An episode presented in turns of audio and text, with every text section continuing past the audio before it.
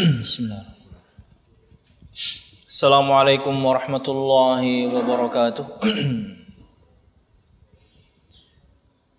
إن الحمد لله نحمده ونستعينه ونستغفره ونعوذ بالله من شرور أنفسنا ومن سيئات أعمالنا من يهده الله فلا مضل له ومن يضلل فلا هادي له أشهد أن لا إله إلا الله وحده لا شريك له وأشهد أن محمدا عبده ورسوله. قال الله تعالى في القرآن الكريم أعوذ بالله من الشيطان الرجيم. يا أيها الذين آمنوا اتقوا الله حق تقاته ولا تموتن إلا وأنتم مسلمون. يا أيها الناس اتقوا ربكم الذي خلقكم من نفس واحدة وخلق منها زوجها وبث منهما رجالا كثيرا ونساء واتقوا الله الذي تساءلون به والأرحام إن الله كان عليكم رقيبا. يا أيها الذين آمنوا اتقوا الله وقولوا قولا سديدا. يصلح لكم أعمالكم ويغفر لكم ذنوبكم ومن يطع الله ورسوله فقد فاز فوزا عظيما. فإن أصدق الحديث كتاب الله وخير الهدي هدي محمد صلى الله عليه وسلم وشر الأمور محدثاتها فإن كل محدثة بدعة وكل بدعة ضلالة وكل ضلالة في النار أما بعد Alhamdulillah segala puji dan syukur marilah kita haturkan kepada Allah Subhanahu wa taala. Kemudian salawat serta salam semoga selalu tercurahkan kepada junjungan besar Nabi kita Muhammad sallallahu alaihi wasallam juga beserta para sahabatnya, keluarganya dan segenap kaum muslimin yang selalu istiqamah berpegang teguh dengan Islam sampai hari kiamat kelak. Para santri pesantren Intal Ilmu dan juga al-musyahidun al-kiram para pemirsa yang dirahmati Allah Subhanahu wa taala. Pada kesempatan pagi hari ini insyaallah bersama-sama kita ingin belajar tentang adab-adab menuntut ilmu. Tentunya yakni sebelum masuk pada bahasan kita ingin menyebutkan beberapa hadis Nabi Muhammad sallallahu alaihi wasallam berkaitan dengan keutamaan orang-orang yang berilmu. Agar siapa pun di antara kita termotivasi untuk menuntut ilmu.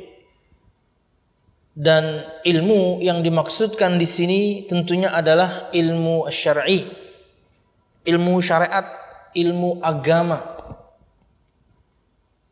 Karena mengetahui fadilah sebuah amal itu akan membuat kita termotivasi untuk melakukan amal tersebut. Kenali fadilah sebuah amal, kenali keutamaan sebuah amal, niscaya kita akan bersemangat untuk menjalankan amal tersebut. Dalam bahasan kita kali ini berkaitan dengan menuntut ilmu dan ilmu yang kita maksudkan adalah ilmu agama. Maka di antara yakni sabda Nabi Muhammad sallallahu alaihi wasallam yang menunjukkan akan keutamaan untuk orang-orang yang menuntut ilmu adalah sabda beliau sallallahu alaihi wasallam dalam sebuah hadis yang berbunyi innal anbiya'a lam yurithu dinaran wala dirhaman wa innama warathul ilma faman akhadahu akhadha bihadzin wafir keutamaan penuntut ilmu yang pertama adalah bahwasanya ilmu itu adalah warisan para nabi. Keutamaan untuk para penuntut ilmu adalah mereka mendapatkan warisan dari Nabi Muhammad sallallahu alaihi wasallam. Kata beliau sallallahu alaihi wasallam yang artinya adalah sesungguhnya para nabi tidak mewariskan dinar atau dirham. Di masa hidup Nabi Muhammad sallallahu alaihi wasallam saja beliau habiskan harta beliau untuk bersedekah. Bahkan di antara yang menerima sedekah beliau bahkan orang kafir. Untuk kemudian melunakkan hatinya agar dia kemudian menerima Islam dan betul-betul terjadi. Karena kita tahu di setiap peperangan yang dimenangi oleh kaum muslimin, maka Nabi Muhammad sallallahu alaihi wasallam mendapatkan seperlima. Seperlima dari total pampasan perang itu sangat banyak. Tapi Nabi Muhammad SAW menghabiskannya, memberikannya untuk orang-orang yang beliau inginkan lunak hatinya agar menerima Islam. Artinya di masa hidup saja Nabi Muhammad SAW tidak menyimpannya. Apalagi kemudian mewariskan kepada yang lain. Tidak. Kata Nabi Muhammad SAW sesungguhnya para nabi tidak mewariskan dinar dan juga dirham. Yang mereka wariskan hanyalah ilmu. Dan kalau sudah berbicara ilmu dan yang kita maksudkan adalah ilmu agama, berarti maksudnya adalah firman Allah dan sabda Nabi Muhammad sallallahu alaihi wasallam. Jadi kalau misalnya apa, misalnya ada yang bertanya, apa yang dimaksudkan dengan ilmu agama? Qala Allah qala Rasulullah. Firman Allah Subhanahu wa taala dan sabda Nabi Muhammad sallallahu alaihi wasallam kata beliau sallallahu alaihi wasallam sesungguhnya para nabi tidak mewariskan dinar dan juga dirham yang mereka wariskan hanyalah ilmu maka barang siapa yang telah mengambilnya maka ia mengambil bagian yang banyak. Ini poin pertama. Di antara begitu banyak keutamaan untuk orang-orang yang menuntut ilmu dan kami ulangi lagi yang dimaksudkan dengan ilmu di sini adalah ilmu syariat, ilmu agama, firman Allah dan juga sabda Nabi Muhammad sallallahu alaihi wasallam. Kemudian di antara keutamaan ilmu dan juga keutamaan untuk para penuntut ilmu adalah bahwasanya ilmu itu abadi. Ilmu itu abadi. Meninggal pun kita tapi kemudian ilmu yang pernah kita tuntut kemudian kita sampaikan ke orang ilmu yang kita tuntut kita amalkan untuk diri kita sendiri, kita dakwahkan kepada orang lain dan kemudian orang menerima ilmu tersebut, maka pahalanya akan selalu mengalir. Itulah yang kita maksudkan dengan abadi. Itulah yang kita maksudkan dengan istilah abadi. Ilmu itu abadi. Kenapa? Meninggal karena kita tidak abadi. Meninggal pun kita, tapi ilmu yang kemudian pernah kita amalkan kemudian kita dakwahkan dan dipraktekkan oleh orang, pahalanya akan selalu mengalir. Dan itu menjadi jejak kebaikan yang kita tinggalkan. Siapa pun di antara kita tidak ada yang tahu kapan dia akan meninggal. Maka sebelum dia meninggal, maka seharusnya dia meninggalkan jejak yang baik jejak yang baik. Jejak betul-betul jika kita merujuk ke tafsir Imam Ibn Kathir, jejak betul-betul bermakna langkah kaki. Ke mana kaki ini pernah melangkah? Apakah ke tempat-tempat yang baik? Atau na'udzubillah ke tempat-tempat yang buruk? Secara letter, betul-betul ke mana kaki ini pernah meninggalkan jejak? Disebutkan dalam surah Yasin akan hal ini. kami yang ya, ke inna nahnu nuhyil mauta wa naqtu ma qaddamu wa atharahum.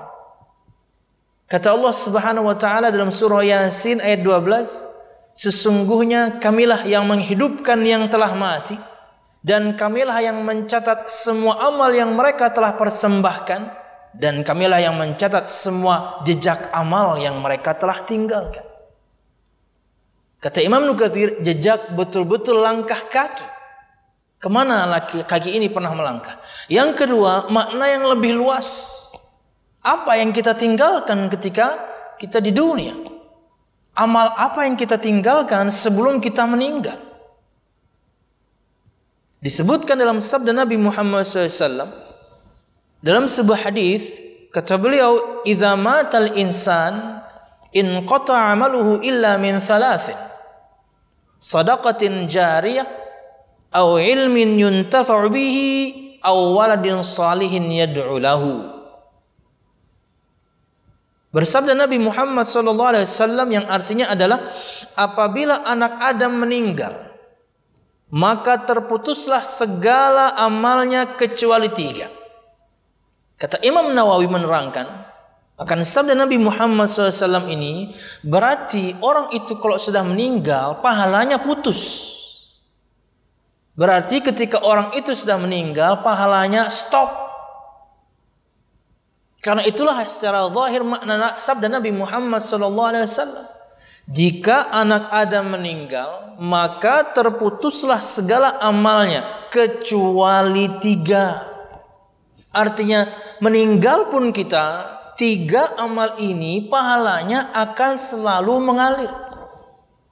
Sudah meninggal kita di alam barzah kita, tapi tiga amal yang kita tinggalkan ini pahalanya selalu mengalir. Padahal kita sudah meninggal. Di awal sabda Nabi Muhammad SAW, Zahir maknanya pahala itu tidak akan menjadi baru, pahala itu stop kalau kita meninggal. Makanya disebut dalam sebuah istilah man mata qamat lahu qiyamatu. Barang siapa yang meninggal kala itulah kiamat dia bermula karena sudah tidak bisa beramal. Maka bersyukurlah orang yang meninggal dan dia meninggalkan begitu banyak ketaatan dan sengsaralah orang yang meninggal dan dia meninggalkan begitu amal buruk, begitu banyak amal yang buruk, bahkan amalan yang kemudian dipraktekkan orang keburukannya.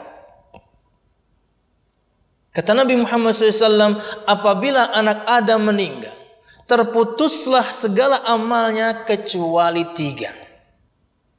Kita sedang membahas keutamaan ilmu, keutamaan penuntut ilmu yang kedua. Apa itu? Ilmu itu abadi. Kata Nabi Muhammad SAW, sedekah jariah, ilmu yang bermanfaat, dan anak saleh yang mendoakannya. Tiga hal ini adalah jejak. Tiga hal ini adalah jejak yang bisa kita tinggalkan sebelum kita meninggal. Tinggalkan sedekah jariah. Mengeluarkan harta itu dalam bahasa Arab adalah infak. Infak itu kata umum dalam bahasa Arab artinya mengeluarkan harta. Nah, infak ini ada yang wajib, ada yang tidak. Yang wajib seperti kepala keluarga menafkahi anaknya, istrinya. Anak istrinya sudah dia nafkahi, kemudian ada zakat yang harus dia tunaikan, itu infak yang wajib. Mengeluarkan harta wajib. Nah, ketika ini sudah selesai, keluarganya sudah dia nafkahi, zakat sudah dia keluarkan, hartanya alhamdulillah masih lebih maka dia infak, dia mengeluarkan infak yang sunnah. Dia mengeluarkan hartanya tapi sunnah yaitu sedekah. Dan ini jejak. Dan begitu banyak keutamaan akan hal ini.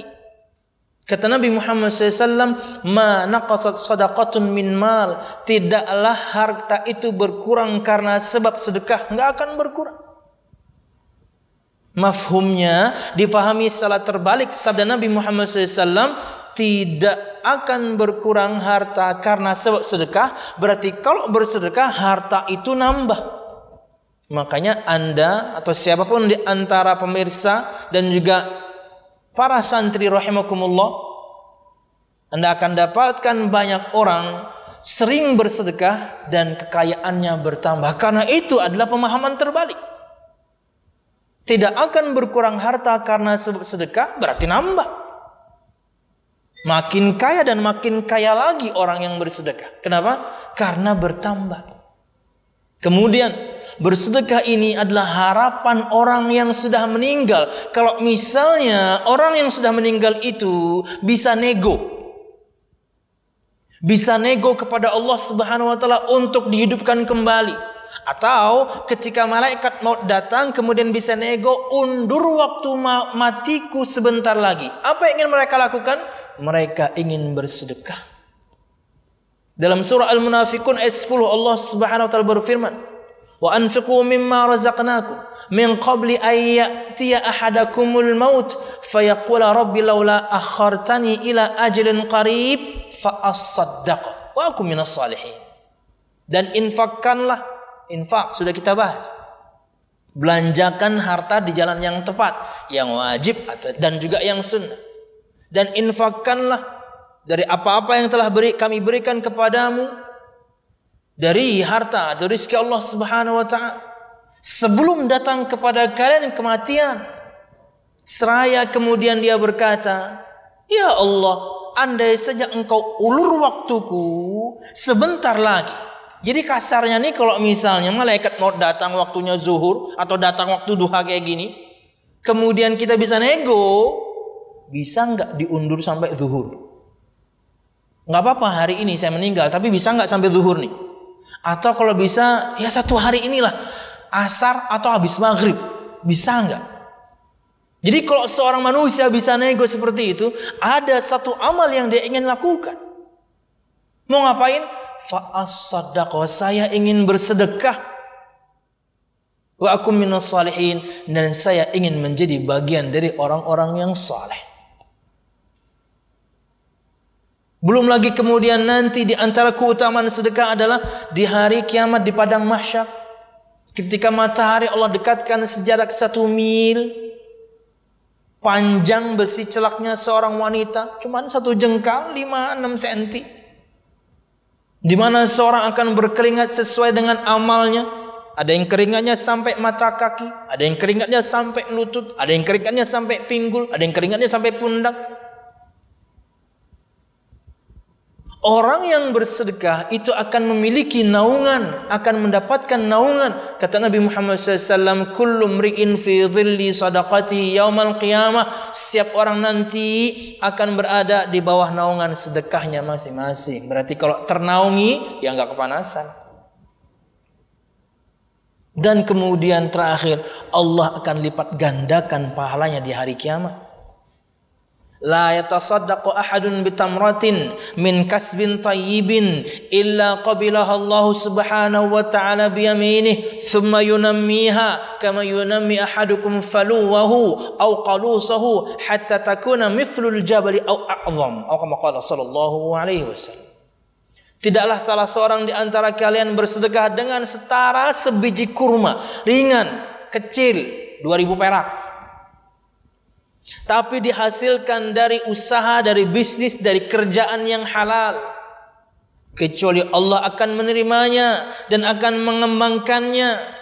Sama seperti salah seorang di antara kalian mengembangkan, membesarkan anak kambingnya, membesarkan anak untanya.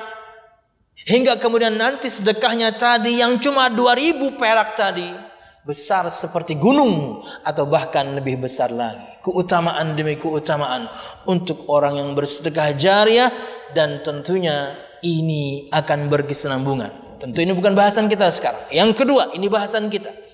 Wa ilmin au ilmin yuntafa'u bihi, ilmu yang bermanfaat. Ini jejak Itulah kenapa kita sebutkan faedah yang kedua ini tentang keutamaan ilmu dan para penuntut ilmu adalah ilmu itu abadi. Sudah meninggal kita, kemudian yang kita sampaikan, yang kita dakwahkan dimanfaatkan orang.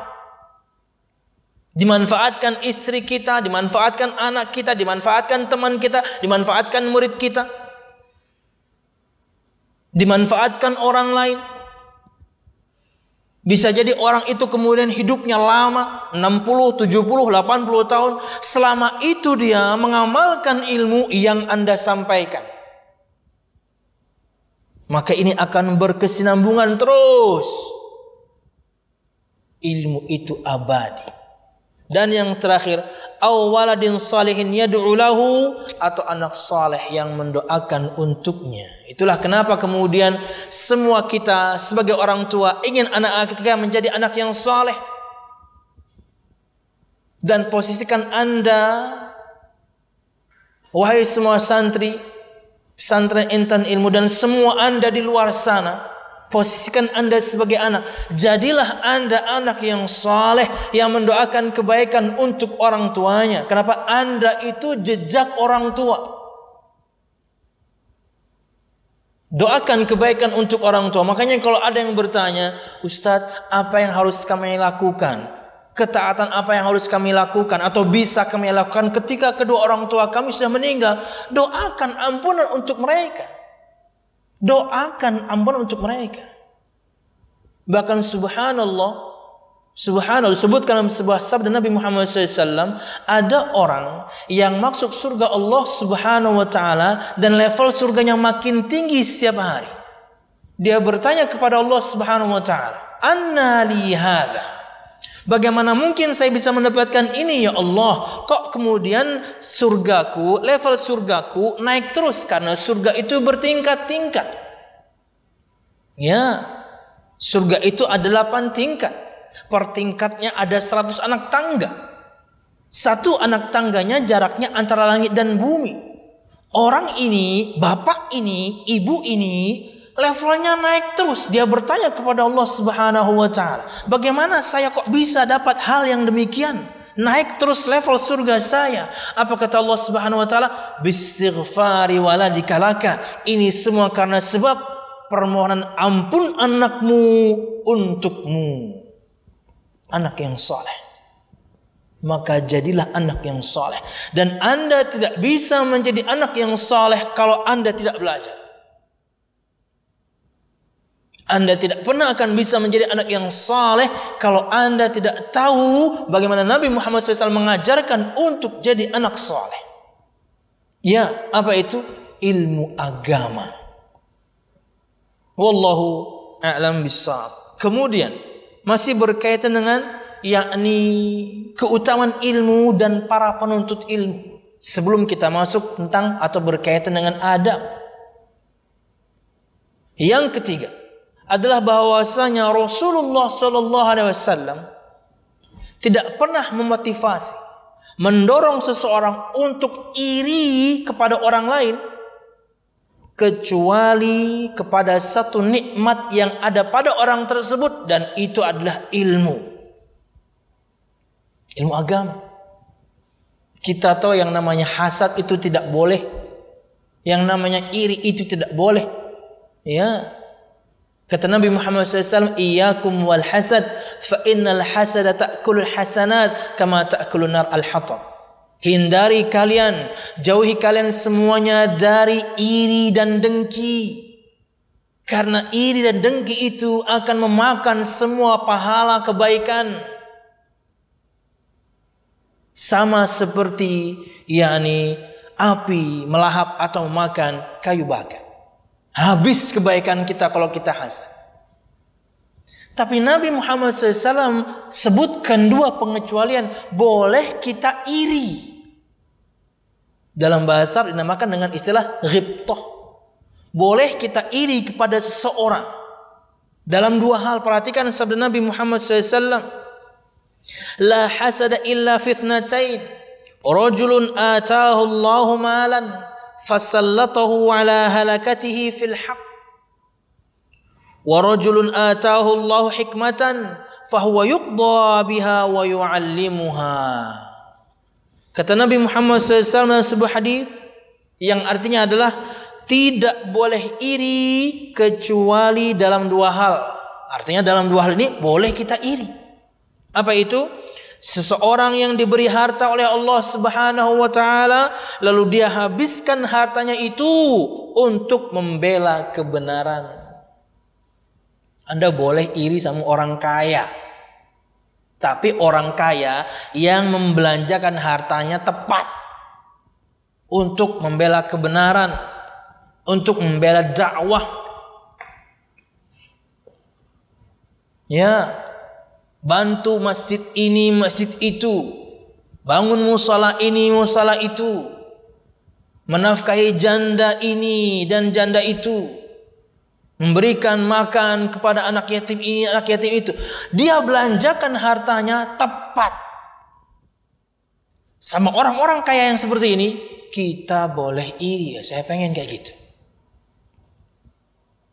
Bukan kemudian orang kaya yang kemudian tidak tepat membelanjakan hartanya, menghambur-hamburkan harta, ya hingga kemudian lupa diri. No. Kata Nabi Muhammad SAW tidak boleh iri kecuali kepada dua hal.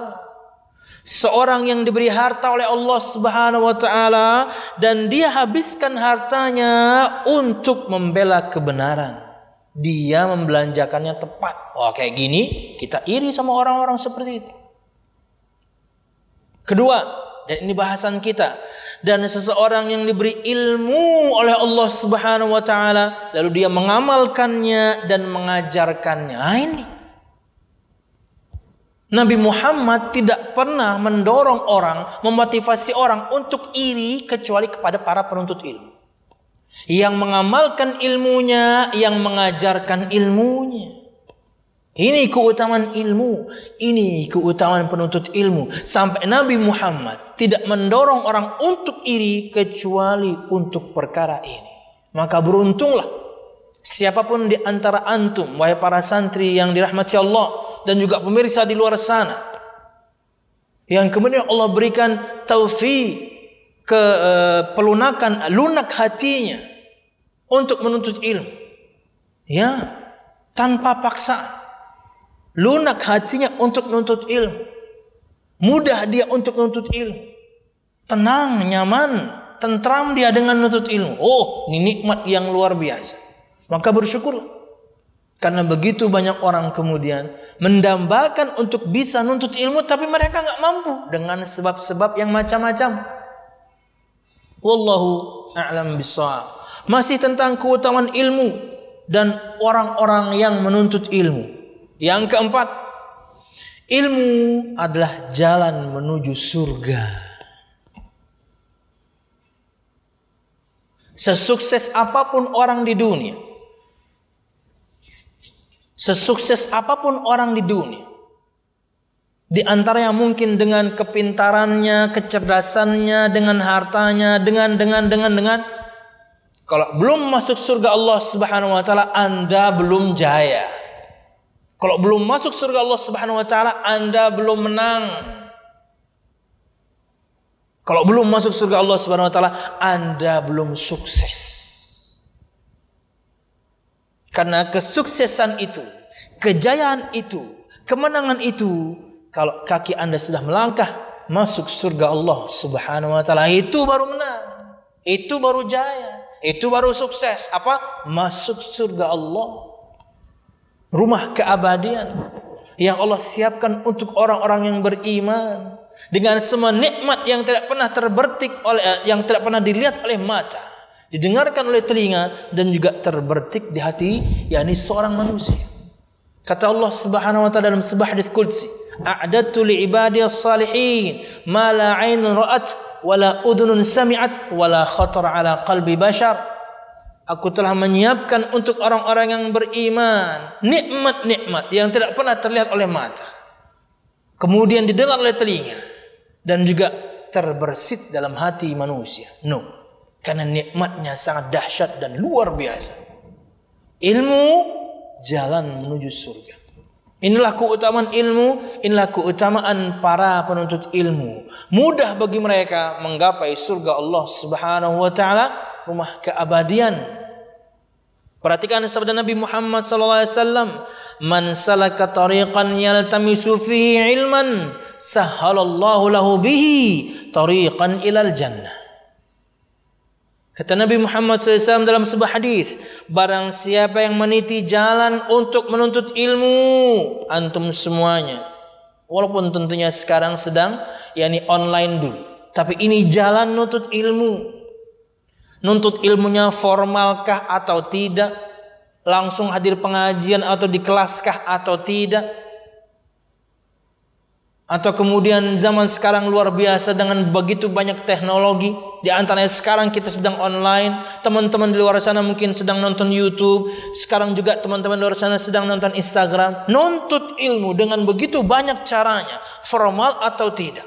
Langsung atau tidak. Tapi nuntut ilmu. Kata Nabi Muhammad SAW, barang siapa yang meniti jalan untuk mencari ilmu, menuntut ilmu, mencari ilmu, ilmu agama kita kerucutkan dengan makna ilmu agama. Firman Allah, sabda Nabi Muhammad wasallam, maka Allah akan mudahkan baginya jalan menuju surga. Kenapa mudah? Karena dengan ilmu agama Anda tahu batasan-batasan. Dengan ilmu agama Anda tahu hukum-hukum Allah. Dengan ilmu agama Anda tahu mana halal, mana haram. Mana yang hak, mana yang batil. Dari mana taunya? Dari ilmu agama. Kenapa? Anda belajar.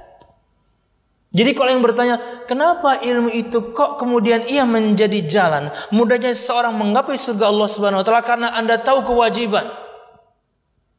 Anda tahu kewajiban dari Allah Subhanahu wa taala hingga Anda bisa melakukannya. Anda tahu larangan dari Allah Subhanahu wa taala hingga Anda bisa meninggalkannya. Anda tahu perintah-perintah Nabi Muhammad SAW hingga Anda melakukannya. Anda tahu larangan-larangan Nabi Muhammad hingga Anda meninggalkannya. Anda menjadi orang yang bertakwa. Anda menjadi orang yang taat kepada Allah dan Rasulnya. Apa kalau bukan surga? Ya, ini akhirnya. Itulah keutamaan ilmu agama. Dengannya mudah untuk Anda menggapai surga Allah Subhanahu wa taala. Anda tahu mana tauhid, mana syirik hingga Anda mentauhidkan Allah. Anda tahu mana sunnah, mana bid'ah hingga ibadah Anda benar. Anda tahu mana yang halal, mana yang haram hingga kemudian Anda bahkan kehidupan Anda bahkan harta Anda bahkan yang masuk ke tubuh Anda halal semua karena Anda mengilmuinya, karena Anda tahu Antum semuanya para santri jangan beranggapan bahwasanya antum sekarang begini doang. Antum akan dewasa, antum akan menikah, antum akan punya anak, antum akan jadi kepala keluarga, antum akan mencari nafkah. Penting.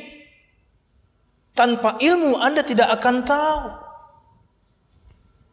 Kalau alasan seorang nanti kemudian hanya yang penting cara saya nyari nafkah, saya wajib nyari nafkah, saya harus menafkahi anak saya, istri saya. Akhirnya yang haram-haram diembat semua karena nggak paham.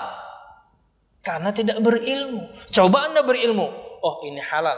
Saya akan ambil.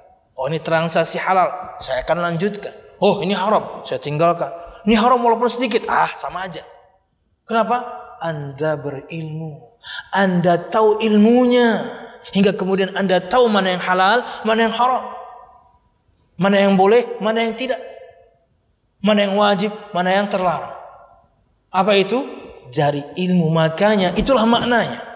Barang siapa yang meniti jalan untuk menuntut ilmu, ilmu agama, ilmu syar'i, firman Allah, sabda Nabi Muhammad, maka Allah akan mudahkan baginya jalan menuju surga Allah karena dia faham ilmu hingga dia tidak terjerumus kepada kesalahan. Wallahu a'lam bishawab. Yang kelima dan yang terakhir, untuk keutamaan ilmu dan para penuntut ilmu. Di antara keutamaan ilmu dan juga keutamaan para penuntut ilmu adalah sabda Nabi Muhammad SAW. Jadi poin kelima ini adalah sebuah sabda.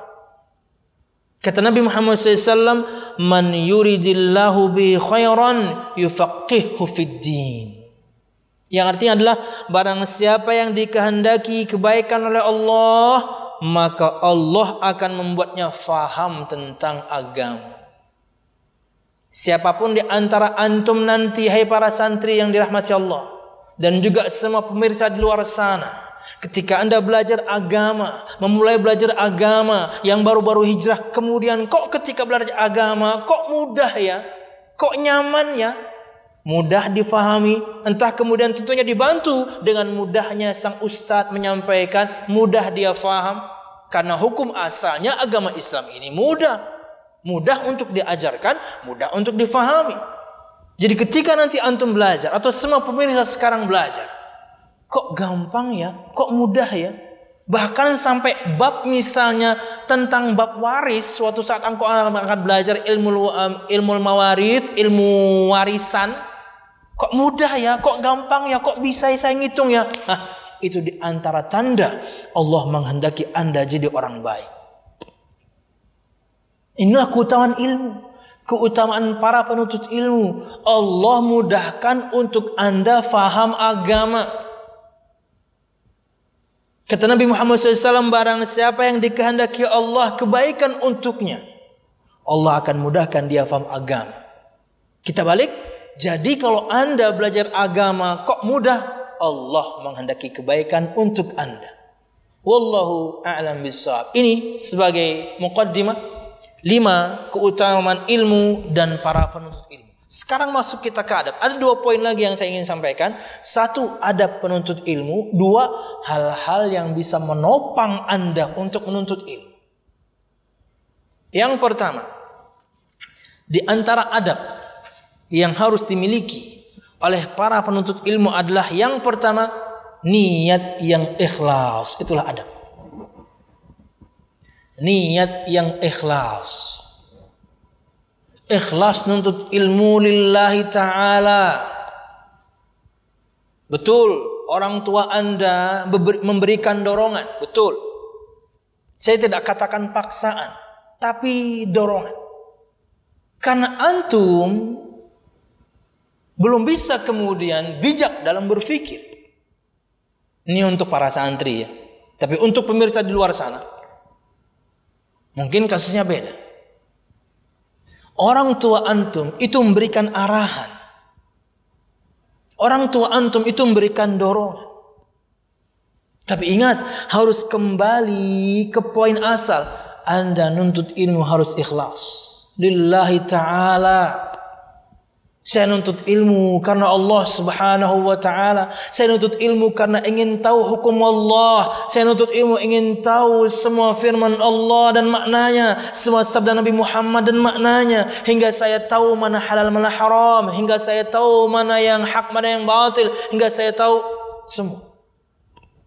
Luruskan niat. Luruskan niat dari sekarang. Ini kan masa orientasi, masa pengenalan Makanya ini saya pribadi tanamkan untuk siapa pun di antara kita. Dulu ketika saya santri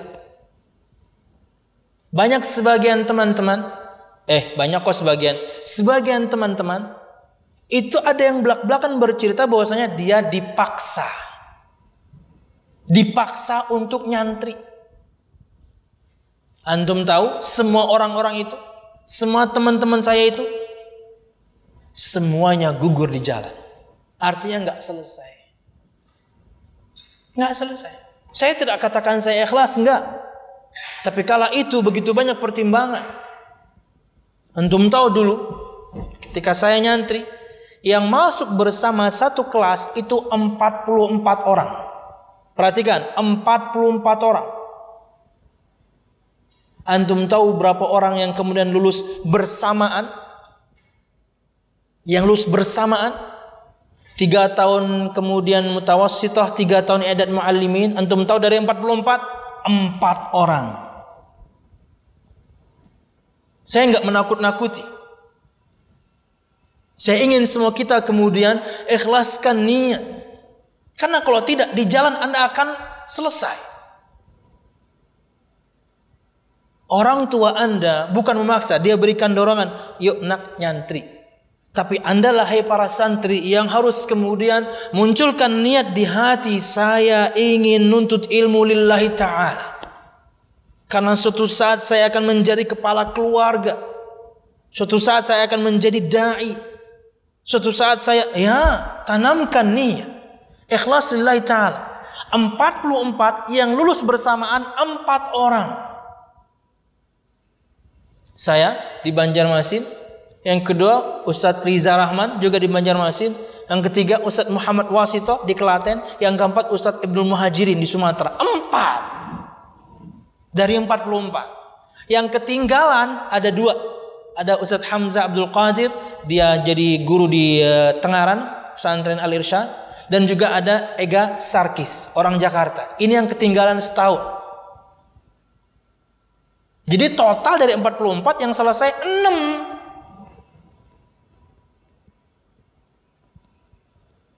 Ketika saya mengkilas balik cerita teman-teman, oh bisa jadi. Kenapa? Karena dipaksa, karena terpaksa, niatnya nggak lurus. Saya tidak katakan saya ikhlas waktu itu, tapi karena kondisi saya dari Kalimantan,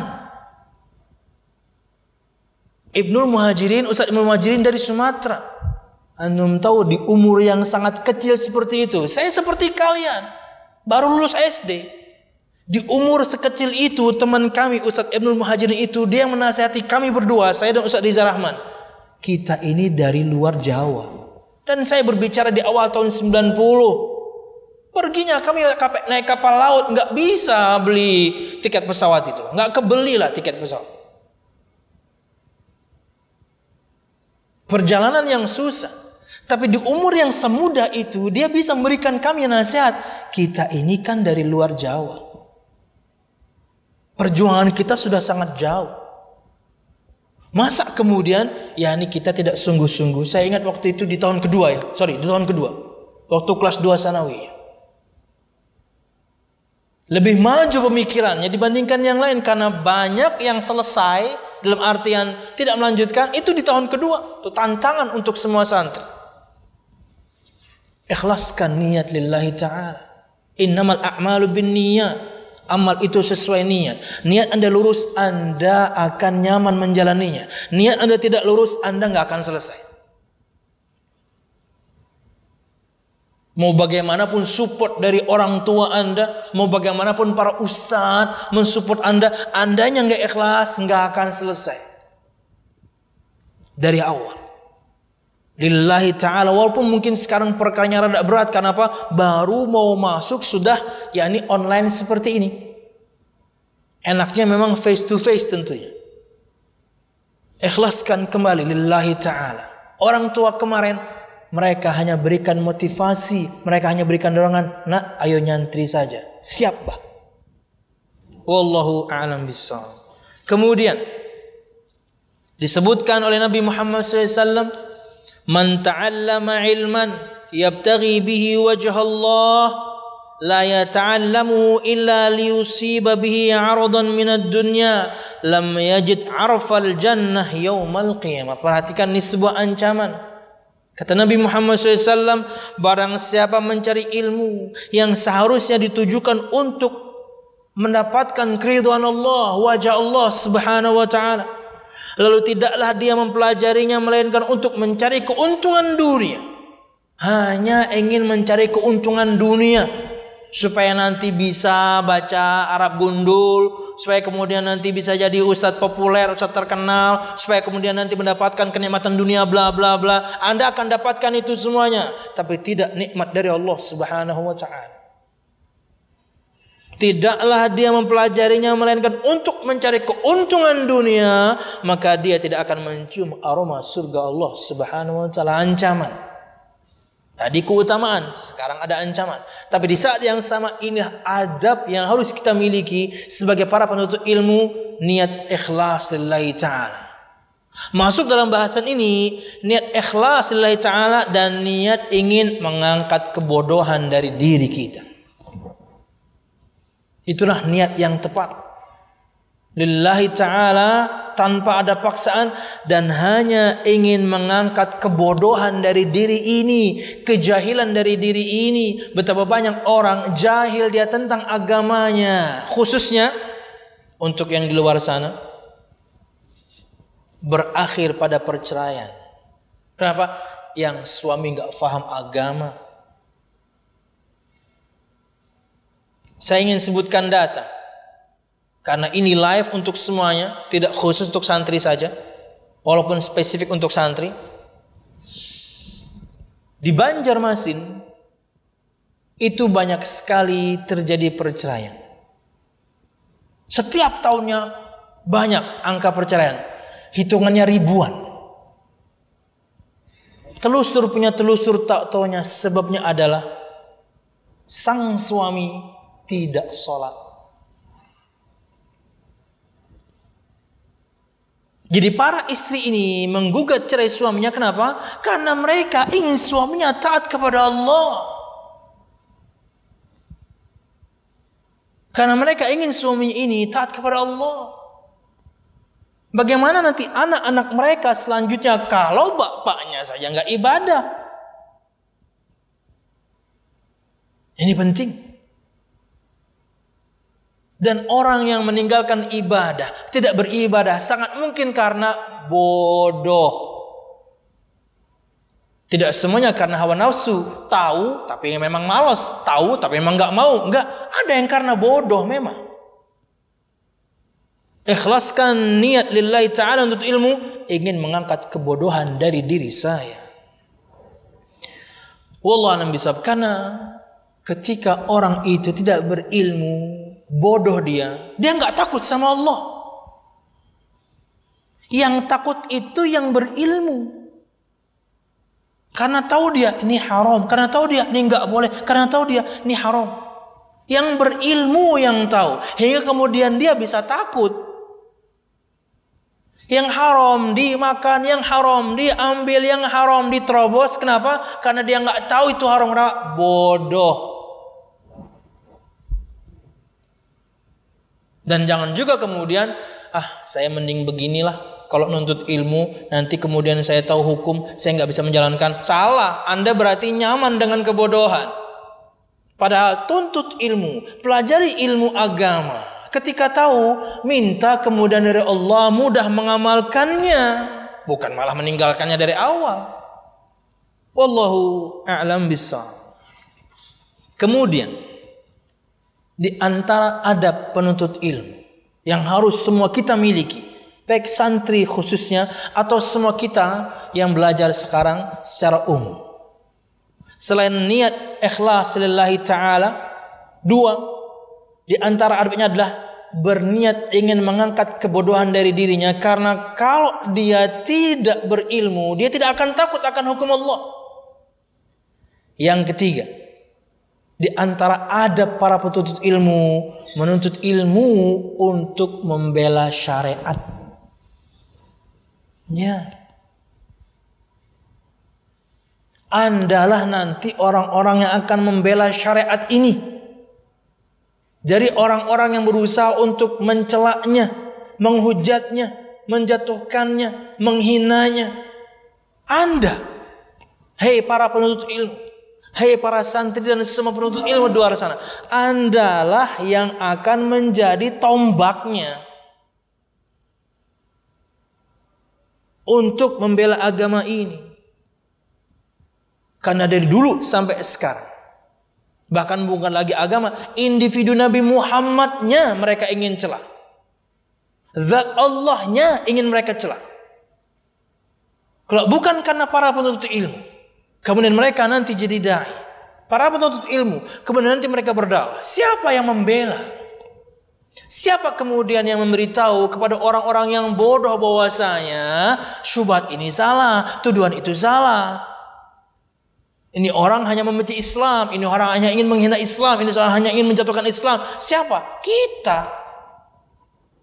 Siapa? Kita, saya, Anda, dan semua para menuntut ilmu. Ini adab menuntut ilmu. Apa itu? Menuntut ilmu untuk membela syariat Islam. Bukan kemudian ingin membela individu, enggak. Syariat Islam. Kemudian al-musyahidun al-kiram, para pemirsa yang dirahmati Allah taala dan juga para santri, di antara adab penuntut ilmu adalah mengamalkan ilmu. Ini paling penting. Kalau sudah mengilmui sesuatu, amalkan. Jangan sampai kemudian kita menjadi orang yang tercela Bahkan Allah Subhanahu wa taala murka karena kita tahu, karena kita berilmu tapi diam. Karena kita tahu dan berilmu tapi kemudian tidak mengamalkan. Ingat sabda Nabi Muhammad sallallahu alaihi wasallam dalam Sahih Muslim.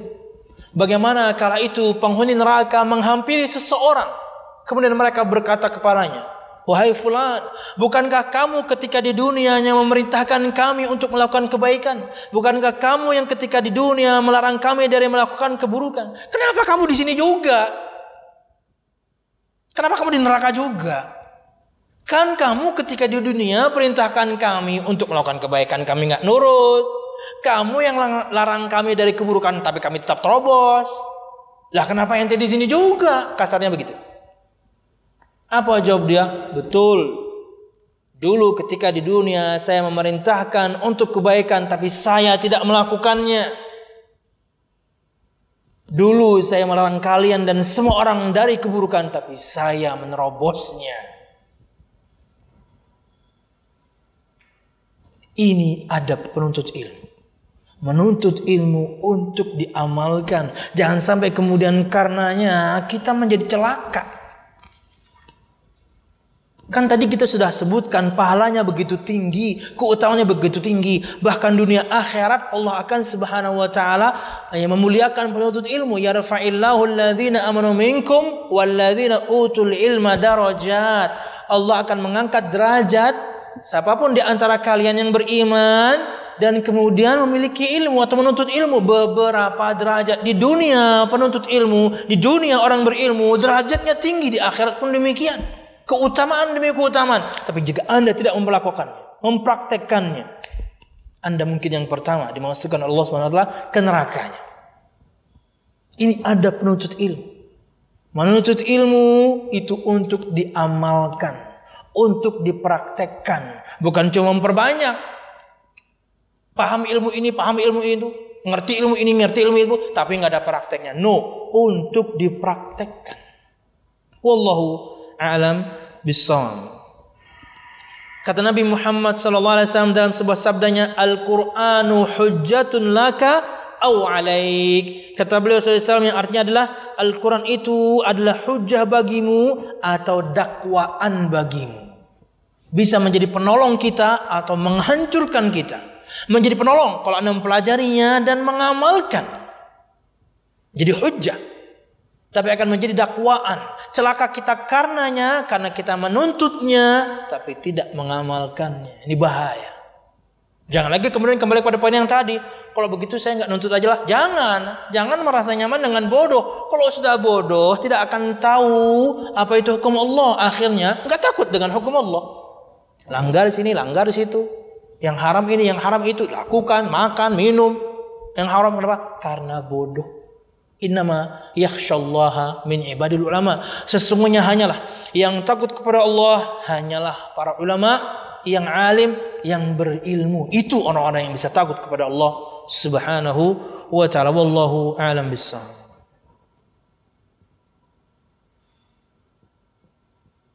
Al-musyahidun al-kiram, para pemirsa yang dirahmati Allah Subhanahu wa taala juga para santri khususnya santri pondok pesantren Intan Ilmu. Kemudian di antara adab menuntut ilmu yang terakhir, yang kelima adalah mendakwahkannya. Ya, bukan cuma Anda menuntutnya, bukan cuma Anda mengamalkannya, kewajiban Anda berikutnya dan ini adab dari kita sebagai para penuntut ilmu dakwahkan. Sampaikan dan tidak ada perkataan yang lebih baik dibandingkan orang yang menyeru kepada Allah Subhanahu wa taala. Wallahu a'lam bissawab. Dan poin yang ketiga yang terakhir di lima menit yang terakhir ini berikut beberapa hal yang kemudian dengannya bisa menopang kita atau mempermudah kita untuk menuntut ilmu. Yang pertama, di antara atau beberapa faktor yang dapat menolong dalam memperoleh ilmu. Artinya Anda harus miliki ini agar Anda mudah nuntut ilmu. Yang pertama, takwa. Ingin mudah Anda nuntut ilmu, ingin mudah Anda memahami ilmu, ingin mudah Anda kemudian nanti mempraktekkannya, bertakwalah kepada Allah. perintahnya lakukan, larangannya tinggalkan. Kan Anda akan belajar, nanti Anda akan tahu perintah, Anda akan tahu larangan. Praktekkan perintahnya, tinggalkan larangannya. Dengan itu mudah Anda akan menuntut ilmu yang lain. Mudah Anda nanti mempraktekkannya juga, mudah Anda akan mendakwahkannya juga. Karena kalau Anda sudah mempraktekkan, anda praktisi, mudah sekali untuk mendakwahkan pada orang lain dan akan greget bahasanya. Kenapa? Karena Anda sudah melakukannya. Wallahu a'lam bishawab. Kata Nabi Muhammad SAW, Ittaqu rabbakum wa sallu khamsakum wa sumu syahrakum wa addu zakata amwalikum wa ati umara'akum tadkhulu jannata rabbikum. Perhatikan di antara keutamaan takwa. Kata Nabi Muhammad SAW, bertakwalah kalian kepada Tuhan kalian, Rabb kalian. Peliharalah salat kalian, kerjakanlah saum di bulan Ramadan, tunaikanlah zakat harta kalian dan taati pemimpin-pemimpin kalian niscaya kalian akan masuk surga Allah Rabb kalian. Amin. Ya keutamaan takwa.